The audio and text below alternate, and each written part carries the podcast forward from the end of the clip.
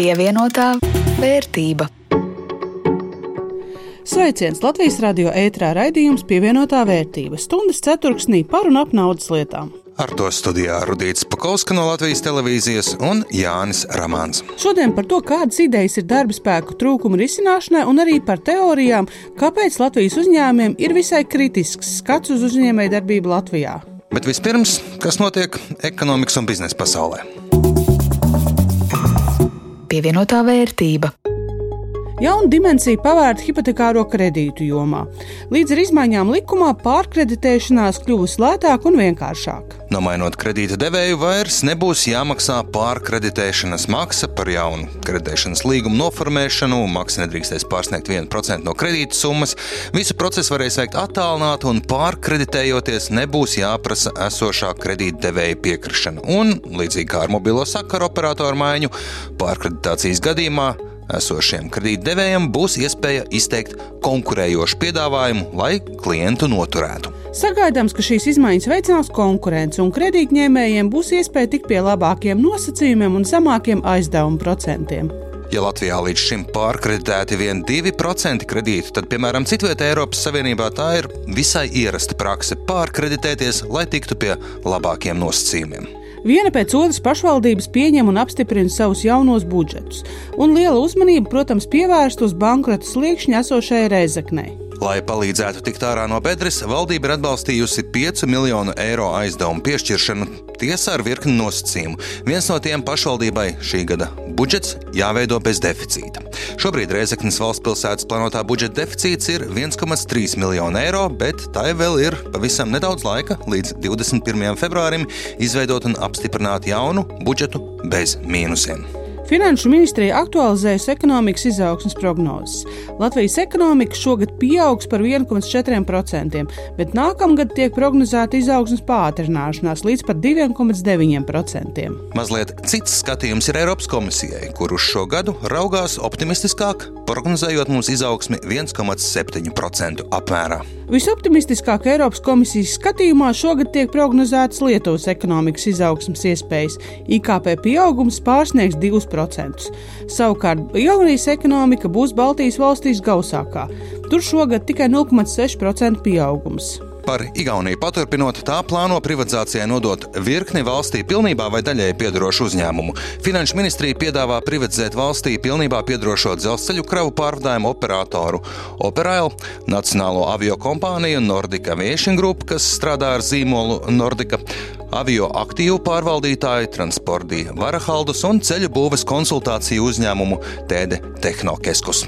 Tiek piedāvāts arī līdz 51% samazināt valstī piedarošo akciju daļu ostu operatorā Tallinas sadam. Pašlaik valstī pieder 67% šī uzņēmuma akciju. Vēl iecerēts daļēji privatizēt divus valsts energo koncernu Esti enerģija meitas uzņēmumus - Enefit un Enefit Green. Igauni arī turpina vērtēt, vai būtu liederīgi pilnībā vai daļēji privatizēt pasta pakalpojumu un loģistikas uzņēmumu Estipost, kas strādā ar zīmolu Omniva, un loteriju uzņēmumu Estiloto. Pievienotā vērtība. Latvijas uzņēmēja viedoklis par uzņēmējdarbības vidi ir tāds, ka nekā laba tur nav, ir slikti un paliek sliktāk. Nu, tā vismaz liecina augstskolas turība veidotais biznesa indeks par 2023. gadu. Lūk, ko prezentējot rezultātus un izpētīto uzsvēra augstskolas rektors Zana Drīņķa. Šī gada vērtējums ir mīnus 21,5. Ja mēs skatāmies skalā no mīnus 100 līdz plus 100, tad pagājušo gadu tas bija mīnus 16,3, iepriekšējā gada tas bija mīnus 23. Šogad nav šis rādītājs, kāds tas bija vienu gadu atpakaļ, un tomēr, redziet, esam atkal noslīdējuši. Protams, ka, ja mēs skatāmies, kur tad ir tā lielākā negatīvā tendence, tad mēs redzam, ka tie tomēr ir fiskālie, monetārie un institucionālie risinājumi, kas būtu jāveic, jo šie apakškritēriji tiek novērtēti viszemāk. Kas ir arī būtiski, ka ir arī pozitīvi novērtēti apakškritēriji, kas ir nemainīgi jau sešus gadus, un tas ir interneta nodrošinājums un zinātniski tehniskais nodrošinājums. Vēl pēc uzņēmēju domām Latvijā ir viegli biznesu sākt un izbeigt. Un atšķirībā no iepriekšējiem gadiem, sabiedrības attieksme pret uzņēmēju darbību pasliktinājusies. Un tomēr jāatzīst, ka šajā gadā Ja mēs skatāmies, tad uh, ir šī sabiedrības attieksme pret uzņēmējiem ar negatīvāku tendenci. To mēs skaidrojam uzņēmējdarbībā dažādās nozarēs ar to, ka principā šobrīd uzņēmējs ir tādā ķilnieku lomā, jo zinot to, ka mums ir inflācija un dzīves dārzdība tomēr paaugstinājusies, tas nozīmē, ka ir jāmaksā lielākas algas, bet tas ir jānopelna. Līdz ar to, protams, ka darba ņēmējs ir neapmierināts ar to, kas ir šobrīd un kāda ir tā situācija. Veidojot biznesa indeksu, vērā tiek ņemti daudz un dažādi faktori, tajā skaitā arī par tiesisko vidi. Un jaunākajos datos tur arī ir kritums.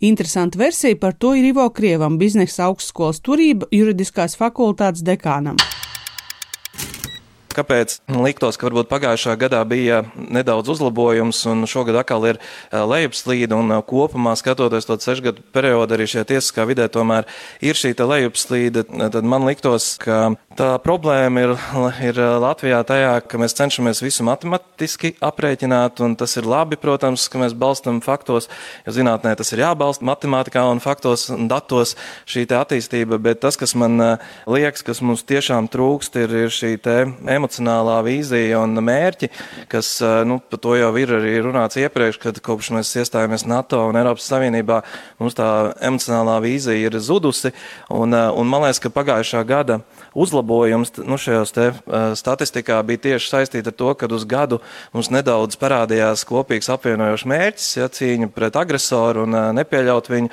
bet, nu, skaidrs ar tādu, nu, salīdzinoši negatīvu aspektu, droši vien ilgi nevar uzturēt visu sabiedrības motivāciju Un... un viens no aspektiem, kas tiešām uztrauc uzņēmējus, kas strādā Latvijā, ir nepielūdzamās darba spēka pieejamības tendences, un tas, ka pagaidām īsti nekāds risinājums pie pamalas nav. Darba spēka ieviešana, tīpaši no trešajām valstīm, ir milzīgs karstais kartupelis. Demogrāfijas tendences ir nepielūdzamas, bet šobrīd darba tirgu ignorēto grupu iekļaušana nu netik vienkārša. Ja tas būtu tik vienkārši, tad ilgstoši bezdarbnieku vispār nebūtu. Jaunieši savu īsto darbu atrastu uz sitienu, bet pensionāri katrs atrastu tieši sev piemērotu papildus darbiņu. Nu, apmēram tā. Un, kā var secināt no diskusijas turības rīkotajā konferencē par biznesa dzīvi Latvijā, jau šobrīd nepieejamais darba spēks liek uzņēmējiem samazināt savas ambīcijas un izaugsmas plānus. Tas noved pie tā, ka šobrīd uh, turisms vispār kā pakalpojumu eksports mēs nevaram uzaudzēt to jaudu, jo gluži vienkārši nu, daudzi viesnīcu restorānu īpašnieki saka, es nemaz negribu strādāt vairāk, jo tad man būs problēma, A, kur es ņemu darbiniekus, kā es viņus noturu, tad viņi atnāk un a, pazūd. Un tā tālāk, un tā joprojām. Tā Latvijas viesnīcu un restorānu asociācijas valdes loceklis Eriks Lingebērziņš. Un tas nav tikai turisma nozares problēma. Ja būtu darbinieki jau šodien, tad jau šodien būtu lielāka uzņēmuma, lielāks eksports, lielāki nodokļi un arī lielāka Latvijas ekonomika. Turpina informācijas tehnoloģiju uzņēmuma Accenture vadītājs Latvijā Ivo Almanis. Es nezinu, protams, par tiem 30 tūkstošiem, bet IKT nozarē noteikti vismaz tas varētu būt 1002. Vismaz, un ja viņi būtu šodien, viņi jau šodien ģenerētu naudu. Un es pilnīgi piekrītu, ka tas ir tikai šodienas vajadzība. Mums jāskatās, teiksim, ja mums būtu 4-5 tūkstoši, iespējams, mēs visu to varētu eksportēt un ienest naudu ekonomikā. Bet neaizmirsīsim arī to, ka tie cilvēki, tad, kad viņi būtu šeit, viņi tērētu naudu šeit. Tātad, tās būtu papildu darba vietas citiem, sākot ar ēdināšanu, ar, ar, ar turismu, vēl kaut ko, un tā, tā visa nauda būtu šeit apritē. Tam ir tāds savu veidu sniegbūmas efekts, jo vairāk mēs šeit dabūsim tās darba vietas. Un tieši uz eksportu un uz augstu pievērtības vērtības lietām, nu, tas tikai nesīs papildu naudu ekonomikā. Tas akūtais trūkums šodien, jā, viņš ir jārisina. Iespējams, tas ātrākais ir ievedot darba spēku, jo nu, ir sfēras, kur mēs nav mums šobrīd lokāli. Nu, būsim godīgi, nav. Mēs varam runāt par pārapmācīšanu, mēs varam runāt par to, ka jāmainās izglītības sistēma tā tālāk, bet tas ir laika jautājums, tie ir gadi. Problēma ir diezgan skaidra. Pat tie uzņēmēji, kuriem šobrīd darbinieku nepietrūkst, varētu būt ieguvēji, ja pieaugtu nodarbināto skaits. Un, ja vēl ar labām algām, nu tad pavisam labi. Bet ko darīt? Ievest darba spēku agri vai vēl nāksies, tāpat arī domāt par to, kā apmācīt šobrīd nodarbinātos. Bet būs arī jāpurina visas darba spēka rezerves, vērtējot katru darba tirgu nēsošo cilvēku, un katrai grupai jāmeklē savs risinājums. Tā diskusijā pauda Andris Bīta darba devēja konfederācijas vadītājs. Tie ir ilgstošie bezdarbnieki, vismagākā visdrīzāk grupa, jo tas prasa tomēr sākt no rīta celties laicīgi un iet uz darbu. Ja? Un kā, bet tas ir iespējams izdarīt, teiksim, un tas prasa teiksim, droši vien gan pabalstu brīvības samazināšanu, gan mentoringu, vai sauciet, kā gribat, teiksim, kas pieskata viņu, ka viņš sāk mācīties atkal strādāt. Tas ir parasto bezdarbnieku tomēr regulējums vai bezdarbnieku pabalsts ir apdrošināšana gadījumos, ja tu esi zaudējis darbu, vai tomēr tas ir papildus atvaļinājums, kas, manuprāt, ne, no, tā tiek bieži vien izmantots. Līdz ar to, cik brīvi tu vari bezdarbnieku status dabūt. Jādomā būs arī par plašāku studējošo, invalīdu un pensionāru iesaistīšanu darba tirgū. Daudziem šajās grupās vajadzēja īpaši pretīm nākšanu no darba devēja, kam nu uzņēmēji esot gatavi. Un darba devēji šobrīd ir gatavi teiksim, faktiski pielāgoties apstākļiem. Varbūt ne pilnām darba dienām, ne pilnām slodzēm, bet tas prasītu ne tikai šo motivējošo faktoru, bet arī daudz brīvāku darba nodarbinātības regulējumu, kad nu, var ātri pieņemt, var uh, uz īsu brīdi pieņemt. Bet kādus risinājumus redz turismā, kur bez papildu darbiniekiem sasniegt nozares plāns arī neizdodas? Turpina Linga Bērziņš no turisma nozares. Mums viesmīlībā, turismā mēs sākam gadu, mēs esam apņēmības pilni eksportēt 2 miljardus eiro pakalpojumos. Mums vajag iespējams līdz 5000 darbinieku nākamajos divos, trīs gados. Mums vajag, lai ir ārvalstu studenti Latvijā, kurus mēs varam nodarbināt uh, sezonas laikā. Mums vajag jauna veida īstermiņa risinājums nodarbinātībai, piemēram, līdzīgi kā tas ir uh, lauksaimniecībā. Mm -hmm un mums vajag pārskatīt to veidu, kā mēs nodarbojamies ar nu, tālāku izglītību, mainot fokusu no tādas lekciju lasīšanas uz mentorēšanā balstītu pieeju darbinieku apmācību. Šie risinājumi lielākoties jau izskanējuši vienā vai otrā vietā, un daudz no tiem iespējams kļūs arī par realitāti. Bet diskusijā skanēja arī brīdinošas balsis par to, ka vienā brīdī iekšējo rezervu meklēšana darba tirgus caurumu lāpīšanai var kļūt neprātīga. Biznesa augstskolas turība valdes priekšsēdētājs Imants Bergs aicina domāt līdz tam, ko darām, lai nesanāk tā, ka meklējot mājā malku, sākam krāsnī dedzināt mēbeles un parketu. Ja mums ir krāsnes un mēs kurinam malku un tā malka beidzās, tad uh, birokrātija mums pasaka, ka šīs sēklas ievest nevar, nedrīkst stādīt, to cirst nedrīkst. Tad mums ir izcinājums, ko nu, arī sudraba programma vai, vai vēl kaut kas. Nu, vēl jau mums ir mēbeles arī, principā, ja? un, un, un reku parkets ir, vēl varam pamēģināt. Tad ir jautājums, kurā brīdī mēs atdursimies. Vai mēs nonāksim un cik ātri tas būs līdz nulles iedzīvotāju skaitam? Es, pats, tas gan ir bez ironijas. Ja? Pie šādas te, vai nu arī, nu, kurš tas būs 800 tūkstoši iedzīvotāju skaits, pie kur mēs apstāsimies, ka mēs beidzot būsim sapratuši, jā, ka šitain te, nu, tagad šitais ir tik automatizēts viss, ka šajā te milzīgajā teritorijā var dzīvot viens cilvēks uz kvadrātkilometru. Nu, te, principā jau visi, ko gan, gan, gan Vitskundze teica, gan, gan, gan Ēriks, gan, gan IKT, ir cilvēku resursu trūkums šobrīd. Jā, vakar. Nu, vakar, jā. Tajā brīdī, kad Accenture pie mums atnāca un teica, viņam vajag šodien 3000. Šodien, nevis pēc četriem gadiem, kad programma beigsies. Tas pats, ko Eriks saka, divos, trijos gados vajag 5000. Nu, pirmkursniekiem daži nestrādā. Nu, ejam vēl uz tehniku. Vēl ir vidusskolas, un principā jau pamatskolas pēdējā gadā arī var strādāt pie kaut kādiem ierobežojumiem. Tas ir pie, tieši pie tā pata. Mums vēl ir mēbeles, mums ir parkets, un principā vēl koku mājas sienas arī ir pievienotā vērtība. Pārējot no darba tirgus lielā mēroga problēmām uz uzņēmumu līmeņa risinājumiem, Jāni, vai tev tāpat kā man kādreiz ir gribējies pašam piedalīties ēnu dienā kā ēnai? Jā, varētu. Es droši vien gribētu kādu avio pilotu vai aktīvu un gudru uzņēmumu vadītāju ēnot. Kā tev? Man ļoti jau vairākus gadus domāju, ka, ja būtu ēnu diena pieaugušajiem, es gribētu ēnot kravas vilcienu vadītāju vai, nu, iebāzt zinātnākāro degunu NMPD dispečer dienestā. Bet, nu labi, ja mums tā ir tāda pasapņošana, tad skolēniem ēnu diena ir reāli iespēja ieskatīties profesijas aizkulisēs, bet uzņēmumiem jau laikus sākt sevi pozicionēt kā interesantu un foršu darba devēju. Uzņēmējs šogad var jau reģistrēt ēnu iespējas savā uzņēmumā, un Junior Achievement Latvijas vadītājs Jānis Krievāns aicina šogad arī uzņēmējus padomāt, ko viņi varētu mācīties no skolēniem. Šī gada virstēma ir lietas mākslīgajam intelektam strādāt nevis savā vietā, bet savā labā. Ar domu, ka darba tirgus mainīsies, bet darba vietu nepazudīs. Mums ir jāmāk apgūt mākslīgo intelektu tā, lai tas palīdz palielina mūsu produktivitāti. Un mēs gribēsim, lai katrs no jums, kā darba devējs, aizdomājas tajā mirklī, pirms ēnu dienā jūs uzņemsiet skolēnus pie sevis darba vietās. Aizdomājieties par to, kā jūsu konkrētajā profesijā un darba vietā mākslīgais intelekts var palīdzēt.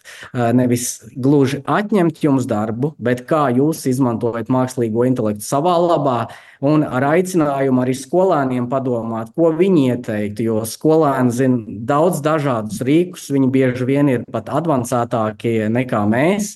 Un uzdodiet arī viņiem šo jautājumu, kā jūsuprāt, mākslīgais intelekts mainīs manu profesiju. Un laiks aizdomāties darba devējiem vēl ir. Šogad ēnu diena plānota 4. aprīlī. Pievienotā vērtība. Bet nu par to, kāda aizdītā nedēļa bijusi Baltijas biržās, visās trijās sarkans mīnus kritums. Lielākais Rīgas biržā tur 2,52% mīnusā nedēļas laikā. Tallinā mīnus nedaudz mazāks, 0,69%, bet pats mazākais samazinājums ir Viļņā, tur mīnus 0,4%. Un gluži loģiski arī manam portfelim kritums. Pirms tu Jānis sapriecājies, ka nu, arī manu portfelīti šūpo tirgus vēju, šis kritums ir pavisam neliels - ap 40 centiem nedēļas laikā. Nedēļu iesāku ar 466,83 eiro. Kā tev klājies? Mans ieguldījuma portfels ir palicis nedaudz liesāks, grūtības Igaunijas ekonomikā pamazumiņam, mazumiņam, bet nograuž nostēju visu nozaru uzņēmumu akciju vērtībai kaut ko. Uh, nav man tāda viena liela vaininieka, kuru vainot, bet kopā 6 eiro mīnusā un atkal esmu paslīdējis zem 400 eiro vērtības, 396 eiro un 81 cents mana portfeļa vērtība. Pievienotā vērtība. Ar to arī izskan šodienas raidījums pievienotā vērtība. To veidoja Jānis Ramāns un no Latvijas televīzijas Rudīts Pakovska. Par skaņu rūpējās Kaspars Groskops. Atgādinu, ka šo un visus iepriekšējos raidījumus var dzirdēt Latvijas radio arhīvā, raidierakstu vietnēs un arī Latvijas radio lietotnē.